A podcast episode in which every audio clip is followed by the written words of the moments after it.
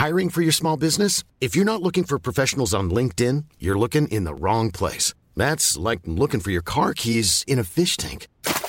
LinkedIn helps you hire professionals you can't find anywhere else, even those who aren't actively searching for a new job but might be open to the perfect role. In a given month, over 70% of LinkedIn users don't even visit other leading job sites. So start looking in the right place. With LinkedIn, you can hire professionals like a professional. Post your free job on linkedin.com slash people today.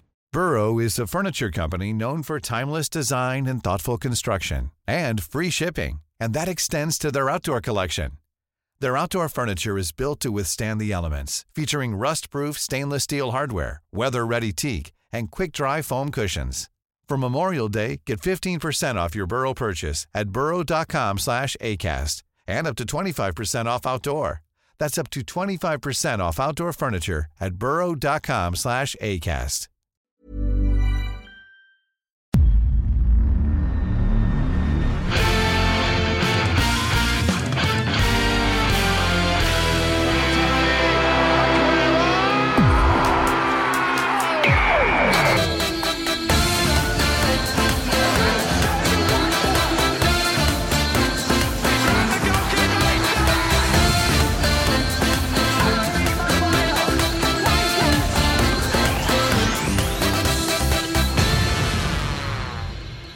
Då säger vi hjärtligt välkomna tillbaka till ännu ett avsnitt av Rule Britannia. Det är en jävla pansarkryssare som är igång och eh, avsnitten de avlöser varandra. Det är lördag morgon den 15 juli och eh, Fabian Jalkemo, du har eh, befunnit dig i eh, radioskugga ett par dagar i de småländska skogarna men eh, är nu på väg ut i verkligheten igen. Ja, jag befinner mig i radioskugga, alltså på min, eh, min mammas landställe i närheten av Målilla. Eh, har du något på Målilla om jag får fråga?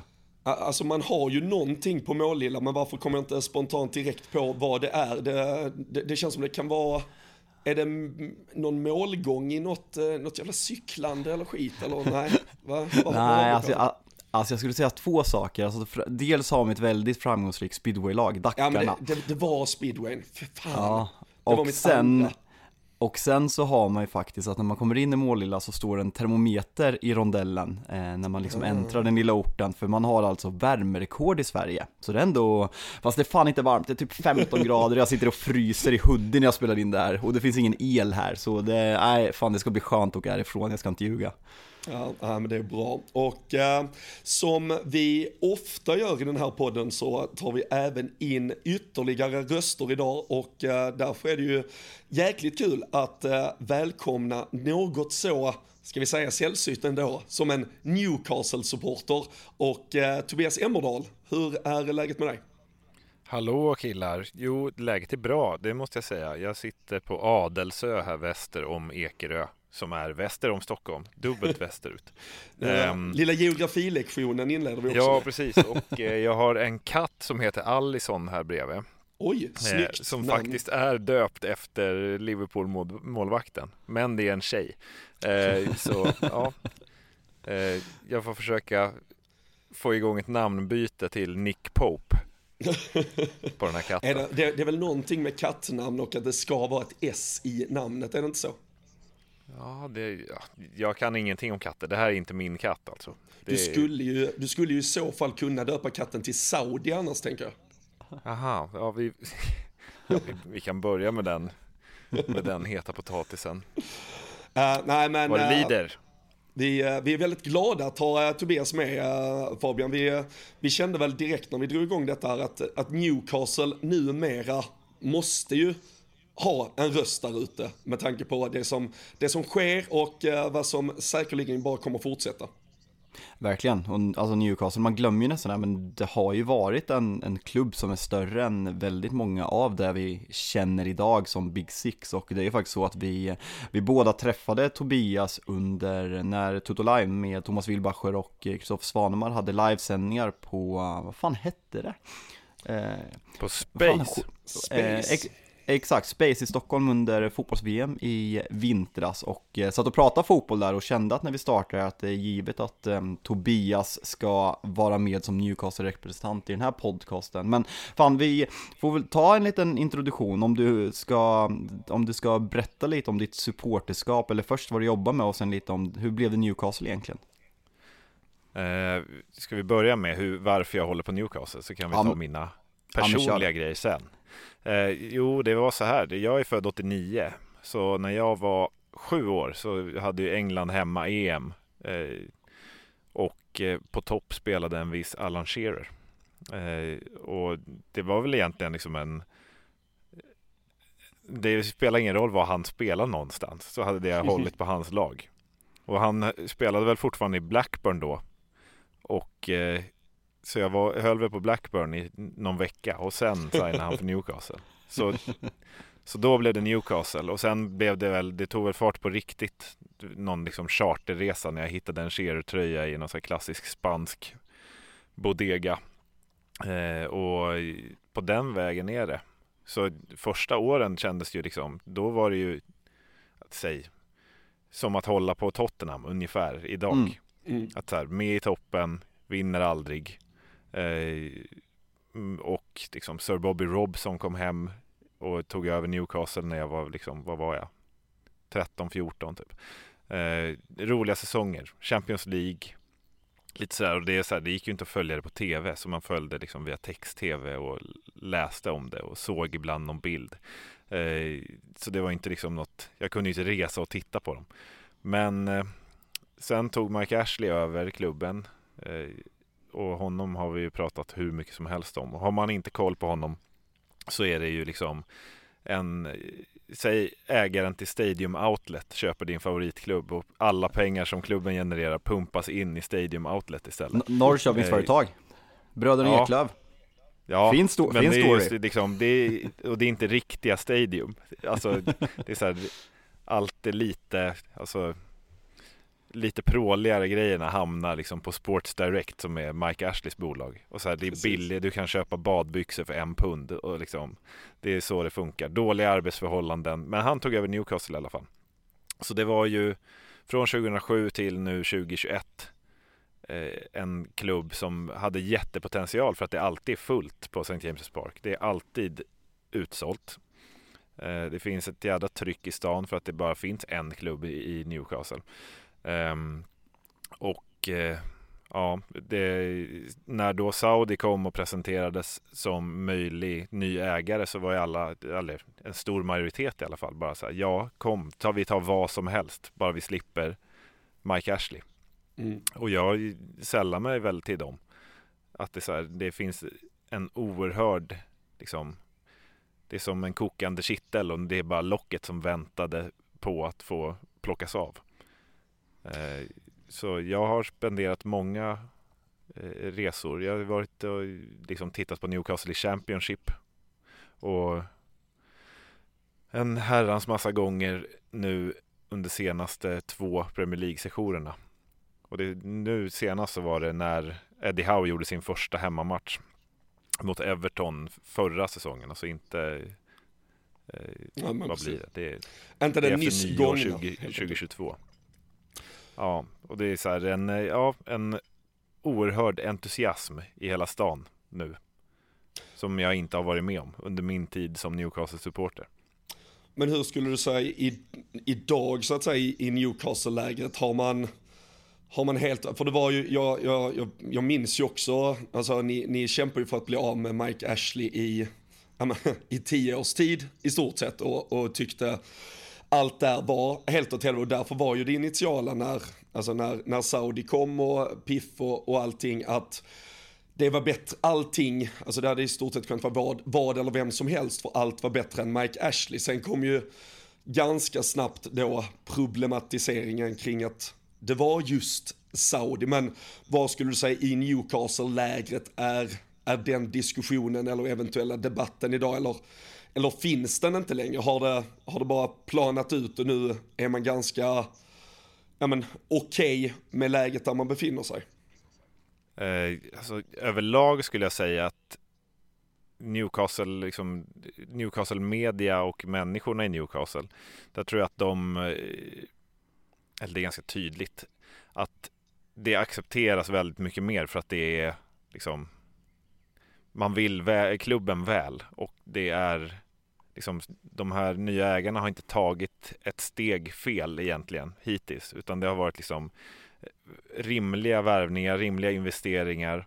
Sen kan man ju ord, liksom debattera kring om bortaställsfärgerna förra säsongen var så jädra det var, väl var så bra. det blev väl något liknande i år också? Skulle det vara helgrönt ja. detta året istället? Ja, med en nu, nu en ny liksom Saudi-sponsor på tröjan. Och det har ju varit liksom någon kinesisk bettingbolag. Visserligen är ni ju en klubb med annan attraktionskraft nu. Ni, ni har ju säkrat Champions League-spel och allt, men det var väl också en ökning på, vad var det, fem eller sex gånger mer uh, intäkt på den där tröjsponsorn nu än tidigare. Ja. Så det, är väl, det är väl ett gammalt eh, klassiskt eh, skolboksexempel från Manchester City hur man snurrar runt lite pengar i verksamheten. Ja, det är varningsklockorna ringer ju. Jag, jag har inte insatt exakt i hur det där bolaget är kopplat. Jag vet ju att det är kopplat till Saudi såklart, men hur det är kopplat till Public Investment Fund. Nej. Och sådär, men på något sätt lär det väl vara det.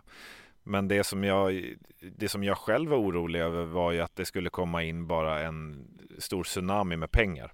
Och att det skulle kastas pengar på spelare som är förbi sitt bäst före och det liksom höga löner och liksom, ja, dålig spelarkvalitet. Jag vet inte vad vi har för exempel på det de senaste åren. Robin, när... Alltså Robinho när City blir nyrika är ett praktexempel, alltså för att, ha, för att ha ett engelskt exemplar. PSG lyckades väl lite mer med sina första, men de tar ju Zlatan och Thiago Silva väldigt tidiga där, medan ni som du säger har gjort en, mer rimliga investeringar. Man tar Trippier, liksom sitter på bänk, har varit avstängd för, om det var, om det var spel va? Eh, mm. I Atletico Madrid, man tar honom billigt, Premier League-erfarenhet, en ledare, man får in Sven Bottman förra sommaren som var liksom omtalad av många, man får in Bruno Gimares som, ja men vilken, vilken första säsong han, han gör. Men det är ju inga spelare som gemene man hade stenkoll på och det är det som har stuckit ut på ett jävligt häftigt sätt. Det är egentligen ja, verkligen. Tonal, Tonali är väl egentligen den första till. stora värvningen, alltså namnmässigt. Vi svenskar kanske ropar om Alexander Isak, men han, nej, det är ingen världsstjärna, eller var ingen världsstjärna? Nej, och liksom att, eh, bara för att återkoppla till, eh, till Trippier så är det, han spelade ju under Eddie Howe, när Eddie Howe hade Burnley en period. Så det finns ju någonting bakåt i tiden där, där de måste ha jag vill ju hoppas att de har liksom haft kontakt under alla dessa år. Mm. Och så här, ja, men någon gång ska vi jobba tillsammans igen. För det känns verkligen som det att Eddie Howe kan liksom kanalisera sig själv in i Trippier på något sätt.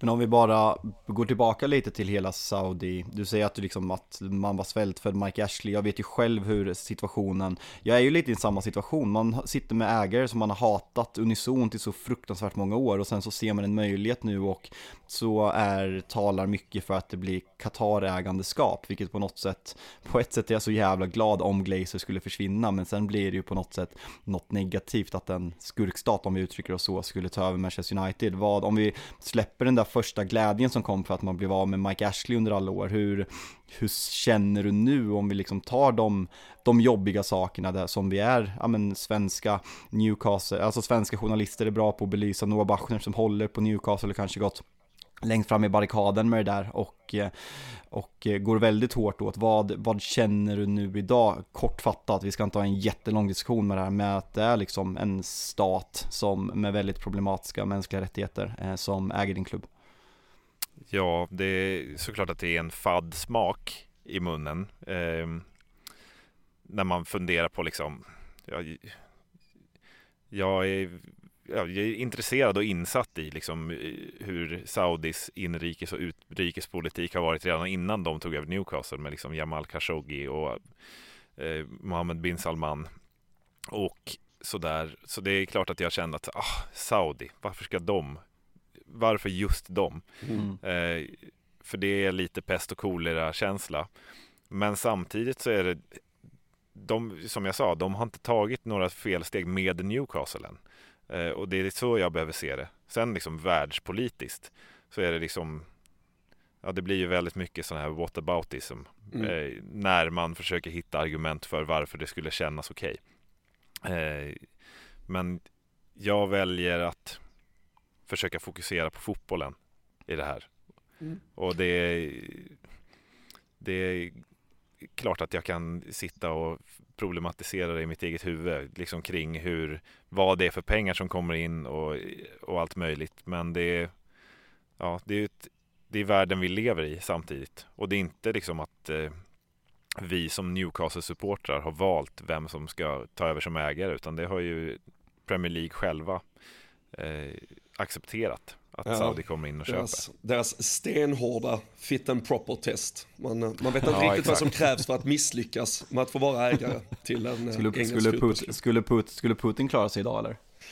Ja, de, de påstod väl att de har skärpt eh, till testerna lite i alla fall. Så han, eh, han hade väl varit och balanserat på gränsen kanske. Men, äh, nej, men det, det är som du säger, där, där tycker jag man kan verkligen tycka vad som, att de här som säger att man ger upp sitt fotbollslag direkt på grund av att det byter, då, då, då, låter man ju någonstans de andra vinna. Alltså, det är ju viktigt att som supporter visa och vara stenhård och stå kvar och vara tydlig att fotbollsklubben trots allt är eran. Uh, sen, sen var det väl, tyckte jag, utifrån, alltså det var ju extremt problematiskt inledningsvis när kanske supportrar som som kanske då inte som i ditt fall är så initierade och har så bra koll istället väljer att dra på sig de här huvudbonaderna och eh, ja, men i, stort sett göra det till ett, ja men alltså, ja, att man själva tyckte det var det absolut bästa någonsin som hade hänt. Um, så det är, väl, det är väl lite gradskillnader i det där uh, kring hur man kan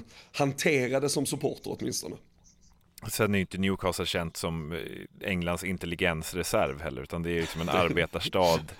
Eh, de är bra på det fest. Det finns ett, ett bra universitet, det är riktigt bra nattliv i Newcastle, men det är ja. inte intelligensreserven som är ute. Och det är pråliga klädslar eh, överlag. Och det, det, är inte förvånande att folk glider ut och ser liksom utklädda till saudiska kronprinsen. Nej. Men, och det tror jag gjordes liksom i all så här, det, i någon slags hyllningstanke. Men det slår ju bara fel när du är liksom tatuerad upp på halsen och så men, men det där är ju inte bara en sak gällande Newcastle, vi har pratat om det lite i den här podden också, att när jag har pratat med engelska polare, både i Manchester och, och eh, kompisar från Liverpool, så de är ju mer positiva till utländska ägandeskap än vad vi i Sverige är. De belyser inte problematiken lika mycket i media som vi gör i Sverige och det tror jag spelar in. Men som du är inne på Tobias, jag, jag tycker att många väljer att se det här, alltså att antingen är det svart eller vitt, antingen så ska man bojkotta all fotboll, men samtidigt så sitter Sverige med handelsavtal och säljer vapen, eller eh, säljer vapen till Saudiarabien och det är okej. Okay. Sen ska man skuldbelägga en supporter som är glad för att det är fotbollslag eh, gå bättre. Jag tycker att det blir eh, hyckleri av hög nivå, men jag tycker ändå att det är viktigt att vi, att vi tar upp det nu när vi, när vi har dig som gäst för första gången och pratar om Newcastle. Vi, eh, vi ska ja, ju också, vi ska, vi ska gå tillbaka och prata verkligen Newcastle eh, också, det ska vi, det ska vi inte undvika. Men eh, avslutningsvis kring Saudi-delen, hur, hur har du då som eller ni, om man säger Newcastle-supporten, fick ju lite ta den första och både andra, tredje och fjärde kulan kanske kring hela det här. Men nu ser vi en fotbollsvärld som förgrenas med Saudiarabien på, på alla sätt och vis. Och det har vi ju pratat om här också. Jag har pratat om Steven Gerrard och, och det kommer vara mångas kanske stora hjältar som tar det steget. Uh, Tycker du att det ger, ger det typ ert ägandeskap en legitimitet på något annat sätt att Saudi nu involveras eller blir det ett större problem eller hur uppfattar du det uh, ur ett Newcastle-perspektiv? Eh, jag känner mest lite oro kring om det liksom finns en agenda från, eh, från ägarna att liksom slussa in spelare från den saudiska ligan. Alltså köpa folk till typ Al-Hilal och Al-Ali och allt vad de heter. Och sen slussa vidare dem till Newcastle vad det lider med liksom lägre transfersummor för att komma runt Financial Fair Play på något sätt. Eh, det är kanske främst då Milinkovic Savic och Ruben Neves som jag tänker liksom skulle passa in i Newcastle och som känns så här, ja varför drar de till Saudi nu? Um, så det är väl en liten oro. Det var väl, det var, det var väl just, ja men Ruben Neves var det väl, det, det, blev väl aldrig mer och vi får väl hoppas, alltså det, det hade varit det hade ju varit för uppenbart. alltså, ja, så här, vi vet att, på tal om Premier Leagues uh, fit and proper test så vet vi att Uefas och Financial Fair Play-reglementen inte, även om jag säger att United hade straffats nu Fabian, ni har ju fuskat lite, det, det är ju klart ni, ni håller på med sån skit. United, United och Barcelona. Eh, fan, ja. jag måste bara säga, Tobias, det märks ju att du är på Viaplay, det har jag inte sagt än, men du jobbar ju på Viaplay när du kör Nievs som uttal. Ja, fan, det tog emot. Den, jag, jag masserade den också, jag sa Milinkovic Savic först för att alltså... liksom massera uttalet på, på Neves sen. Kör du, kör du Bruno Fernandes, då får du aldrig mer vara med i den här podden. Nej, det, nej, det gör jag inte. Och, eh, Bra. Jag vill ju också säga Kevin De Bruyne, jag vill inte säga De Bruyne. Nej, jag vet. Uttalslektioner ja, eller Den ska vi kasta i soptunnan. där ute, de, eh, de ska vi inte bråka med. Man får, man får säga hur man Jag vill bara fylla i med en grej som mm. är liksom det som jag faller tillbaka på när jag tänker på liksom saudiska ägandet och sådär i Newcastle. Eh, det är att regionen i nordöstra England har liksom mått dåligt under en väldigt lång tid. De hade liksom skeppsbyggarnäring, de hängde i gruvorna. Allt det har ju liksom lagts ner, så det är ju en oerhörd arbetslöshet där uppe och det finns liksom inte pengar i regionen. Att då saudiska staten kommer in och köper den liksom kronjuvelen för folket där uppe och liksom börjar investera i träningsanläggningar. Det kommer innebära mer turism, men det kommer innebära liksom eh, att de behöver bygga ut arenan vad det lider det gör ju att liksom, det skapas jobb uppe i regionen och det är bra för folket i Newcastle utan att dra liksom någon växel till var de pengarna kommer ifrån. Men det är jättebra för folket där uppe så folk är ju entusiastiska av en anledning som kanske är större än om det hade dykt in Saudi-pengar i London. Mm.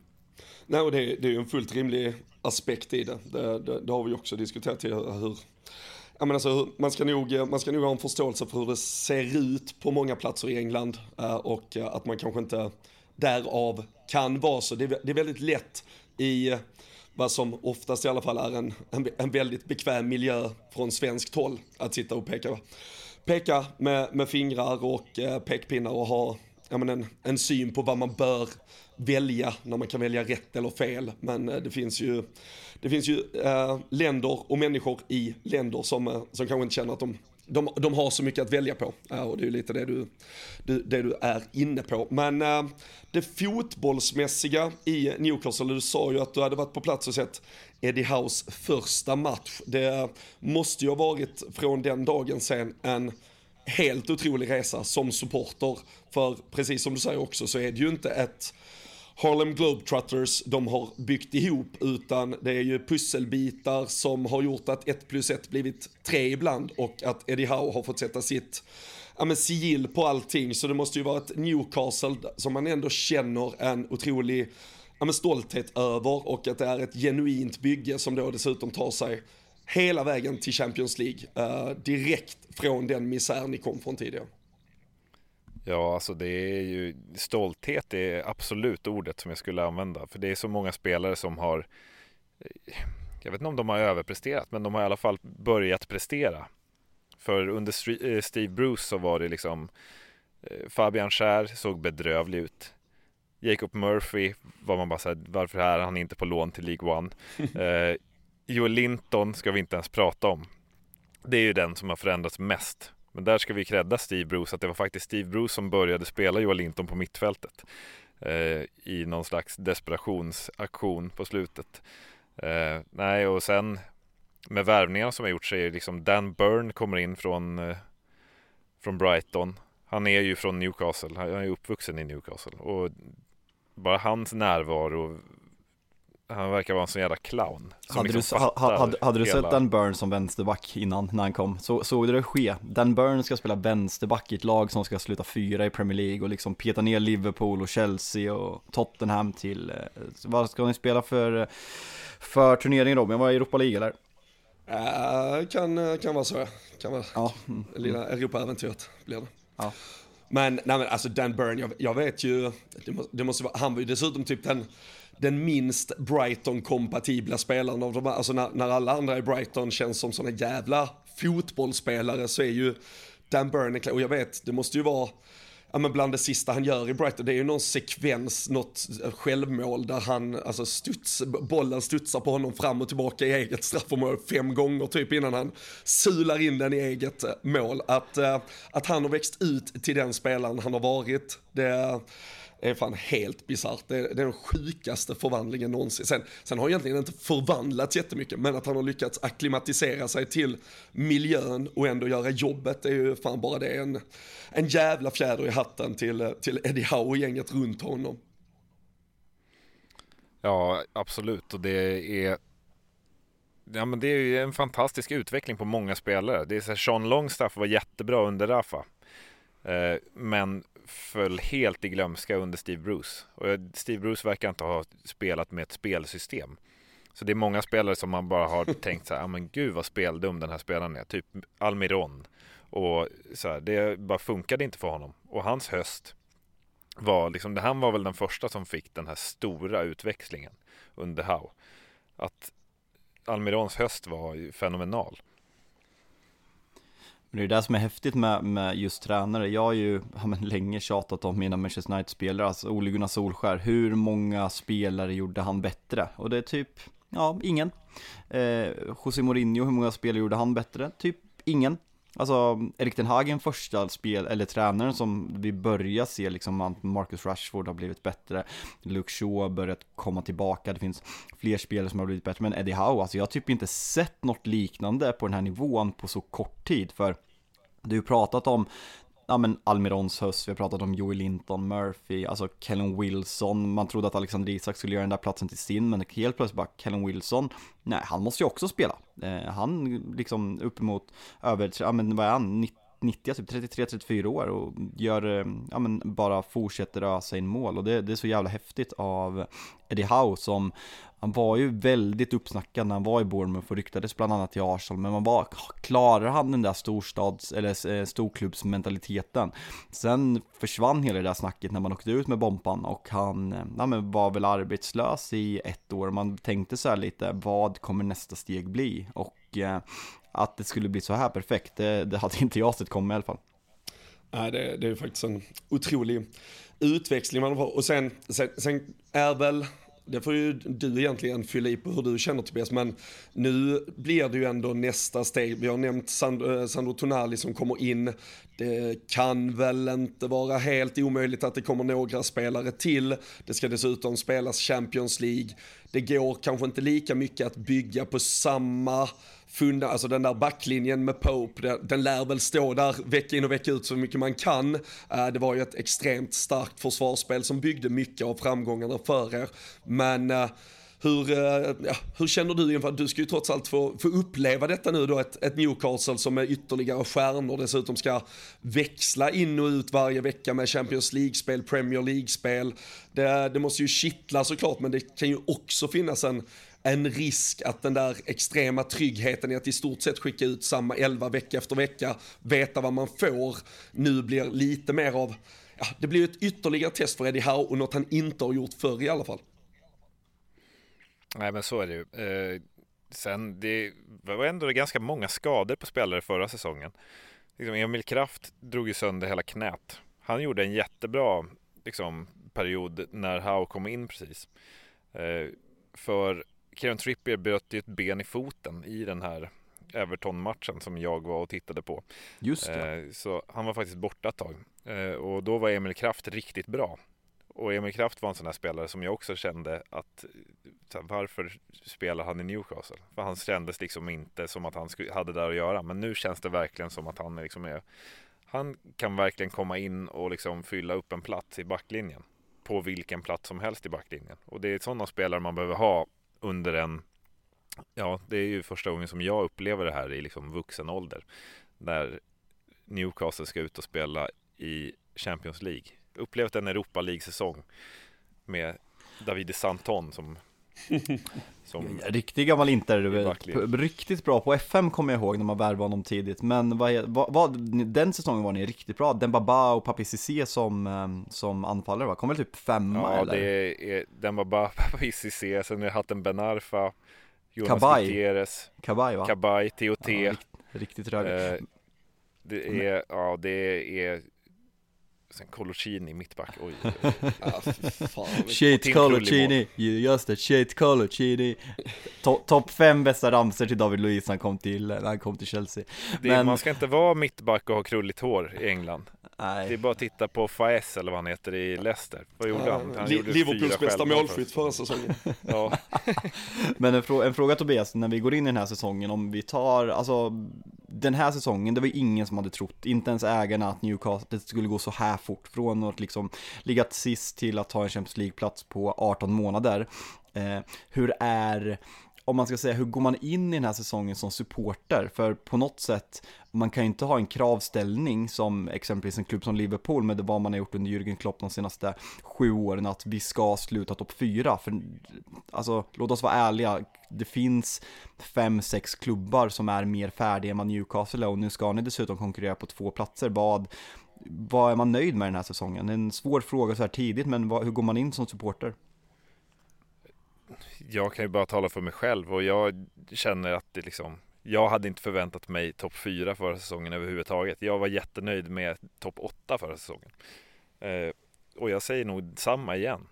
Topp 8 känns liksom som en bra liksom, position sett till att vi ska ut i Europa och slåss och det liksom är många ganska unga spelare som ska som ska in i det här laget.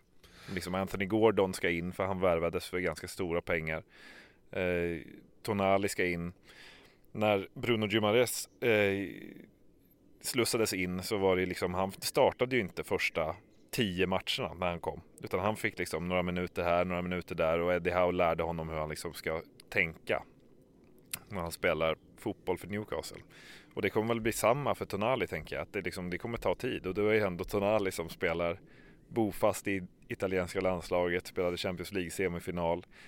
Jag tror inte han kommer vara liksom start direkt. Jag tror han kommer slussas in och det är, och det är just det. Den inslussningen har liksom skett perfekt med typ alla spelare hittills. No, det, och, ja, ja, och det det, bort- bortsett från Gordon skulle jag säga. Ja, nej men och det där är alltså som du, alltså Anthony Gordon, nu framförallt så var han ju exceptionell i U21-EM, Tyck, tyckte jag. Det är ju en, det är en svårälskad spelare, speciellt eh, med tanke på sina, sina Everton-rötter för en, för en Liverpool-supporter. Men, men har ju en jävla höjd i sig ifall han kan få ut den. Och när du säger alltså, på tal om U21-EM så var ju, alltså Tonali är ju så pass ung så att han till och med var med i det där italienska U21-landslaget och med Alexander Isak och eh, det är fan ett, uh, ja, det är ett spännande lag ni, ni redan har och eh, vi sa ju det eh, i förra avsnittet eh, också Fabian att eh, alltså den där topp 8 med tanke på att vi pratat Big Six förr och eh, vi hyllade Aston Villa väldigt mycket för allt rätt de gör och med Newcastle då också så är det ju åtta alltså riktigt, riktigt bra lag. Så att, att ha det som en inställning är väl ganska sunt för, för nästan ganska många klubbar. Sen vet vi att de där ja men ett, ett, ett City, Liverpool, United, alltså de, de kommer alltid pusha för de absolut högsta positionerna. Men man ska nog inte vara naiv och tro att man som ett Newcastle per automatik kan försvara en topp 4-plats år efter år redan. Där är man ju inte. Nej, det är ju, jag vill inte hamna i någon Jalkemo-sits här. Att sitta och förvänta sig för mycket.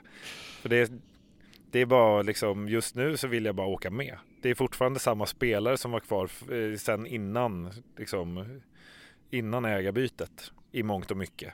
Liksom med Joe Willock och Sean Longstaff och liksom Sam Maximin.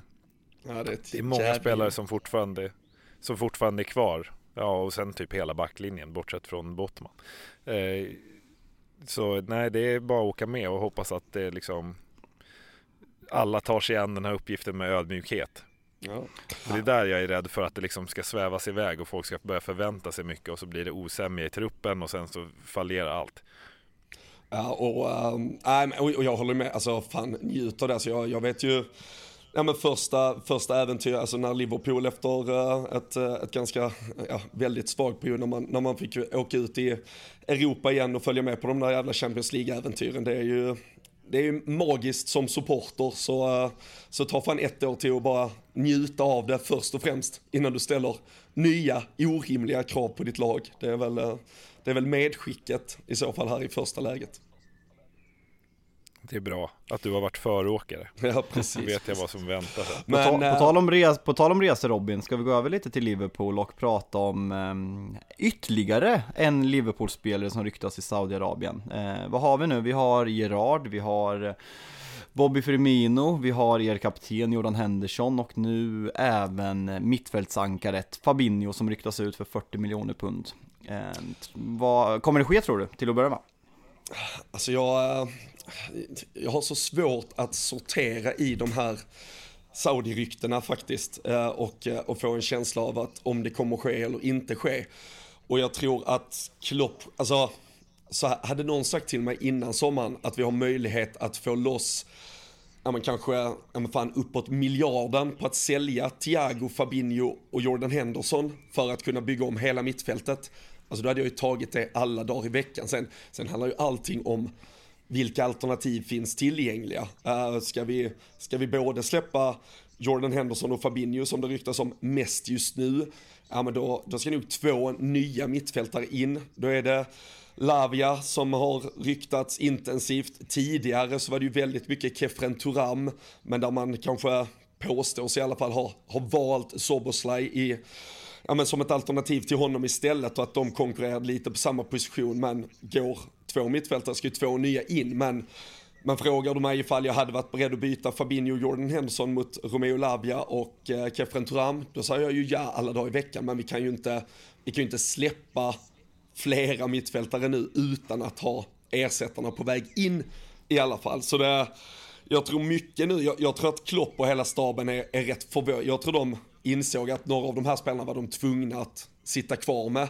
Men med Saudi så har ju ja, spelplanen ritats om och du kan plötsligt få extremt bra betalt och skippa riktigt dyra lönekostnader på spelare som du kanske ändå inte kan använda dig eller vill helst använda dig så mycket av. Så det är ju ett Ja men det är ju det, det är en chans som kanske bara finns den här sommaren och jag tror Liverpool nu överväger starkt hur man ska göra för att eh, ja, men eventuellt kunna göra en, ja, men typ den största jävla mittfältsombyggnationen jag har varit med om på en och samma sommar i så fall.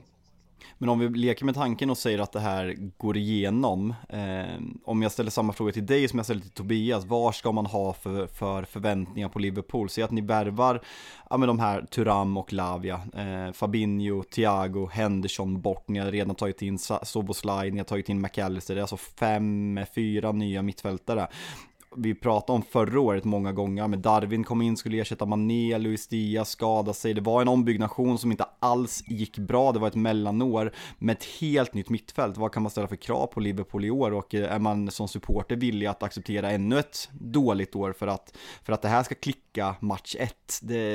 Vi har sett så många gånger att det, det funkar ofta inte så lätt.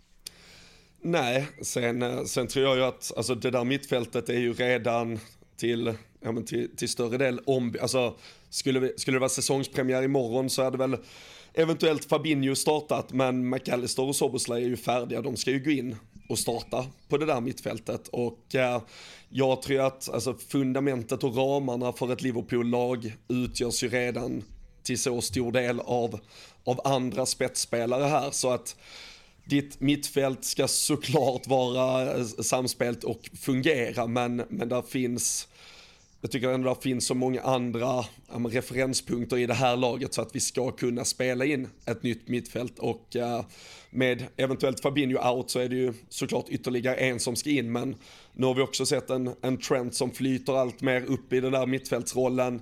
Han kommer ju få spela en extremt viktig roll i att ja, men, styra och ställa på det där det där fältet och eh, bakom sig så har man en backlinje som i övrigt också kommer vara i stort sett intakt och Allison som styr det längst bakifrån och så, så kommer ju Mohamed Salah fortsätta vara referenspunkten längst fram, även om man utgår från sin högerposition. Så äh, alltså, det, är, det är inte så att för att vi nu byter ut fyra mittfältare så ska vi säga att ja, men då får vi ta ett mellanår till, alltså vi byter ut mittfältet för att återigen konkurrera. Så äh, Liverpool ska ju ska ju ha förväntningar på sig att ja, men, genast tillbaka till den där topp fyra och sen vet vi att i topp fyra så kan allting hända. Där handlar det såklart bara om att ja, få City träff så når väl ingen City. Men du måste ju ligga i blocken precis bakom och hugga om de inte skulle få den där träffen. Ja, det blir intressant att följa Liverpools eh, säsong. Ska vi köra litet sillysvep också? Det kom ju faktiskt ut nu precis innan vi spelade in att eh, West Ham bekräftar att Declan Rice lämnar för brittiskt transferrekord. Vad, om jag frågar dig Tobias, vad eh, vad tror du? Det, vi måste ju först och främst berömma Declan Rice. Jag kan inte komma på en spelare som typ har skött en övergång snyggare än vad han har gjort. Man har vetat det har varit på gång länge, han har, velat, han har stannat och sen så visste man den här West Ham får sina pengar, de får brittiska transferrekordet och han går till Arsenal. Vad, eh, vad tror du att den här övergången kommer göra med Arsenal? Tror du att det, det är en tillräckligt bra värvning för att göra att de kan ta nästa steg och utmana, fortsätta att utmana och på sikt vinna titlar också? Alltså, så snyggt som han har skött det där, det är bara varm applåd till honom. Ta en Europatitel med West Ham och sen eh, Ja, det är så snyggt skött så att det Jag hade varit stolt om jag var West Ham-supporter. Verkligen. De som buar åt honom när han kommer tillbaka, de har ju inte liksom någon någon känsla för liksom hur eh, gentlemannaskap fungerar. No, han, eh. han är ju lite, det är lite samma situation, alltså Jack Grealish och de, alltså de, de, när, när han spelar till slut växer ur alltså lagets kostym, när du ändå ger tillbaka så mycket till din klubb innan du väljer att lämna, dessutom med de pengarna som det, det inbringar, du, du måste ju unna dina egna spelare den chansen också. Det är väl, du måste ju som West Ham som klubb och som, ja men för att kunna föda upp nya talanger genom dina akademier och visa att när du har gjort det tillräckligt bra här så, så ska du få chansen att flyga också. Så det, fansen det är fan ljug, det, det, det, svensk referens, men det där är ju Bosse Andersson fruktansvärt jävla bra på. Att liksom de vet, de har den här turordningen, du är näst på tur och du kommer få lämna, vi kommer inte tvinga kvar er. Och de är väldigt öppna med den dialogen och det där är ju snyggt när det även sker i England. För låt oss vara ärliga, West Ham, som Villa, ja, det beror på ägandeskap, men de kommer alltid, så länge som det ser ut just nu, vara under i näringskedjan och de kommer aldrig kunna behålla en spelare som Declan Rice när, ja men tre av de fyra största klubbarna i England just nu knackar på dörren och är villiga att lägga de här pengarna. Mm. Vi, eh, vi ska också bara säga att vi är eh, i Rule Britannia sponsrade av ATG och eh, vi ska ju snart sätta oss och spela in massa inför avsnitt. Då ska vi sitta och syna alla lagen och då kommer vi också ta fram riktigt roliga långtidsspel, säsongsspel, så de ska man hålla utkik efter. Sen kommer det komma tripplar och Big Nine-system vad det lider när säsongen väl är igång. Men går man in på atg.se tutto så hittar man allt som eh, har med eh, med, spelare spel där från bland annat Tuttosvenskan och eh, sen även Daniel Jolenklint och Thomas Wilbacher som plockar ut lite europeiska höjdare när säsongen är igång. Men man ska spela ansvarsfullt, man ska vara minst 18 år och har man eventuellt problem med spelande då är det se som gäller. Men eh, avslutningsvis eh, Fabian, eh, lite andra rykten, det är lite city-rokader i försvarslinjen, man verkar kanske hitta en lösning tillsammans med Bayern München som ska gynna båda parter. Ja, det kom ut igår via The Athletic att Kyle eh, Walker var muntligt överens med Bayern München och Eh, man tros väl komma överens. Det var väl, jag vet inte hur mycket det tog på Walker förra året att han dels bänkad i Champions League-finalen, men det var ju en period när Pep Guardiola gick ganska hårt åt honom och sa att han kan inte spela sättet de vill spela med eh, fyra back, mittbackar i den där backlinjen. Så övergången sägs vara värd eh, ungefär 15 miljoner pund om de ska komma överens, men eh, sen kom det ju bara några timmar efteråt att eh, Pavard är sitt Citys eh, första mål. Så känslan är väl här att eh, det kan bli en liten bytesaffär med lite cash emellan med tanke på att Pavard befinner sig i Bayern München och det hade väl varit en väldigt bra lösning för alla inblandade. Slutar med, att, slutar med att ingen vill ha Joao Cancelo till slut i alla fall efter att båda har fått vart, känna och klämma på honom förra säsongen. Vart fan ska han egentligen? Och sen måste jag bara fråga, alltså så här, Kyle Walker, tänker på det här. Alltså vilken jävla karriär han har haft. Lite i skymundan för att han inte har varit den här stjärnan någonstans. Men om vi ska vara helt ärliga, hur många är han Premier Leagues bästa högerback genom tiderna? Eller ska vi prata Gary Neville-titlarna? Det är så jävla svårt att jämföra. Gary Neville kanske är etta, för mig är han såklart det. Men eh, bakom, eller kanske framför för er del, vad, vad säger ni? Hur högt håller vi Kyle Walker? Det är väl Emil Kraft emot, kanske, eller? Ja, det är för min del så jag satt och funderade nu och jag vet inte om jag kommer på någon. Nej, det, det, visar ju alltså, att han är ju topp tre då. Mång, mång, många går väl till typ Gary Neville ifall man skulle bara sätta ihop så här, någon, någon, någon eh, historisk elva. Men eh, för det första, sen är det alltid fel att jämföra generationer. Alltså det är ju klart att Kyle det, jag skulle säga att typ alla högerbackar i Premier League idag är bättre än vad Gary Neville var. Men Såklart. det är klart, Så- att, det är klart han var helt exceptionell eh, på sitt sätt att spela också. Och eh, gjorde det jobb han förväntades göra i det laget han, han spelade för och vann allt det han vann. Men eh, nej men Kyle Walker är ju, alltså, han är ju komplett och har ju dessutom varit med i den dynastin det har blivit av det här Manchester City och vunnit allt man kan vinna. Så det, det kan väl också vara aktuellt för honom att ja, få en nytändning och, och sticka iväg. Och det, vi är ju vi är inte bortskämda med engelsmän som, eh, som testar vingarna eh, på andra håll, men eh, det är väl alltid kul att se dem i andra miljöer. Så, eh, sen är det ju, alltså Pavard in till City också, det, det är tyvärr en jättebra värvning för dem också tror jag. Så det, Kan, kan, ju, kan ju spela på alla positioner i den där backlinjen också med tanke på, får de in Guardiol och han så, ja, hej hej. Eh, måste fråga dig Tobias också, vi har ju diskuterat, eh, ja, det är väl vårt femte avsnitt där, och eller fjärde kanske, ingen koll längre, det är sommar, ingen koll på någonting. Vi har ju diskuterat Terry Kane i typ varje avsnitt och nu senaste som The Athletic gick ut med igår är att eh, Daniel Levy och Bayern Münchens CEO, vad heter, vad heter han? Dresden? Dre, Dresden! Bra tyst. Dreisen! Bra tyska. Hade ett frukostmöte eh, i torsdags i London för att diskutera Harry Kane. Vad, eh, vad är din känsla om du bara får spekulera? Tror du att han blir kvar i Tottenham eller blir det Bayern München? Eller blir det Bosman nästa år till och går till eh, någon engelsk klubb? Oj, svårt att spekulera faktiskt. Ja, verkligen. Eh, det är Det vore kul att se honom i ett annat lag än Spurs medan han fortfarande är liksom i sin prime. Och då är det ju läge att gå nu. Eh, mm, och sen för Spurs del så ska de få några pengar. För det verkar som att han vill gå. Och det var ju var det inför förra eller inför förra, förra som han ryktades till City hur mycket som helst. Mm. Ehm, och nej. Hade jag varit Kane så hade jag kanske stannat och bara liksom varit Spurs hela tiden. För det är, men ja, en flytt till München alltså München, ungarna. München är ju en otrolig stad, ska sägas. Ja. Så, ja, det, jag, jag, hade, jag hade stuckit Titta och titta direkt. på berg. Där har, du kollat, där har du kollat delar av fotbollsmatcher har jag hört. Det, det har jag gjort. Jag har sett, sett mycket fotboll i München. Uh, på tal om Champions League-äventyr, men fa- fan vad det, alltså när du sa frukostmöte också, för fan vad det låter som en sån riktigt kass nätverksträff med så pissiga företagare och reklamare som står och gör det lite. Uh, ja, men fi, fint frukostmöte, de har säkert Vad, vad, vad, vad, kör, vad kör Daniel Levy? Kör han Eggs Benedict eller Eggs Royal tror du? Han är väl för snål för det, han tar bara någon bill, bill, billigaste full Han kör en English. fry-up. En fry-up med black pudding och sådana här stekta champinjoner. Nej, fy fan. Men eh, vi, eh, vi får väl se vad som händer. Vi, vi, eh, vi hoppas väl nästan att det, det kommer lite fler uh, transferbomber på, från Newcastle också. Så får vi all anledning att uh, snacka mer med dig Tobbe under sommaren och annars framåt under säsongen. Så kul att få in en Newcastle-röst så här tidigt. Ni, Även om vi inte vill erkänna det så är ni ju med, de stora pojkarna och slåss i toppen nu. Så det, det, Ja, det ska bli spännande att följa. Nu får man ju liksom, nu ställer sig håren på armarna här.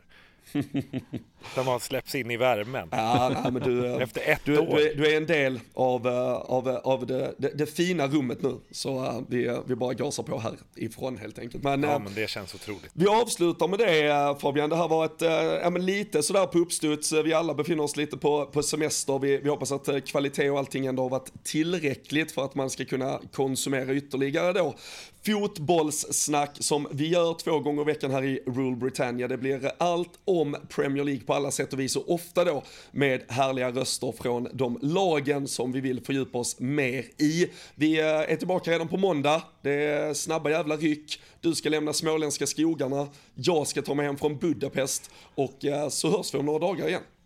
Ja, nej, men eh, det blir eh, fint. Fan, det, det, det är mycket resande. Jag drar till eh, Sardinien på tisdag, men vi hinner ett, ett inspelning på, på hemmaplan. Sen, sen blir det logistiska trollerier och tricks igen. Men poddmicken ska kvar och det var, det var väldigt kul att ha dig med Tobias.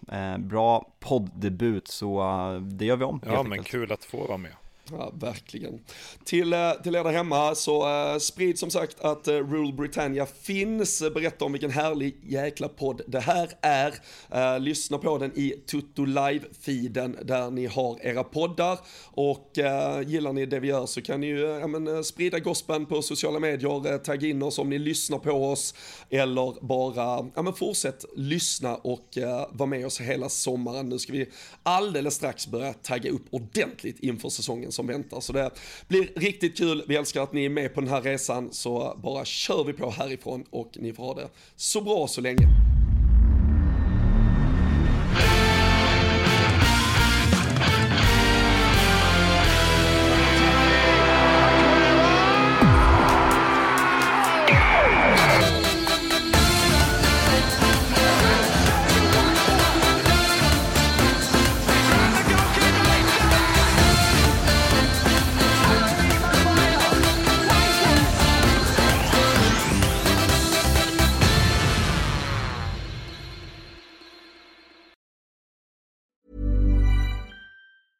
Planning for your next trip? Elevate your travel style with Quince. Quince has all the jet setting essentials you'll want for your next getaway, like European linen, premium luggage options, buttery soft Italian leather bags, and so much more. And it's all priced at 50 to 80% less than similar brands. Plus, Quince only works with factories that use safe and ethical manufacturing practices. Pack your bags with high-quality essentials you'll be wearing for vacations to come with Quince. Go to quince.com slash trip for free shipping and 365-day returns. Mom deserves the best, and there's no better place to shop for Mother's Day than Whole Foods Market. They're your destination for unbeatable savings, from premium gifts to show-stopping flowers and irresistible desserts. Start by saving 33% with Prime on all body care and candles. Then get a 15-stem bunch of tulips for just $9.99 each with Prime. Round out Mom's menu with festive rosé, irresistible berry chantilly cake, and more special treats. Come celebrate Mother's Day at Whole Foods Market.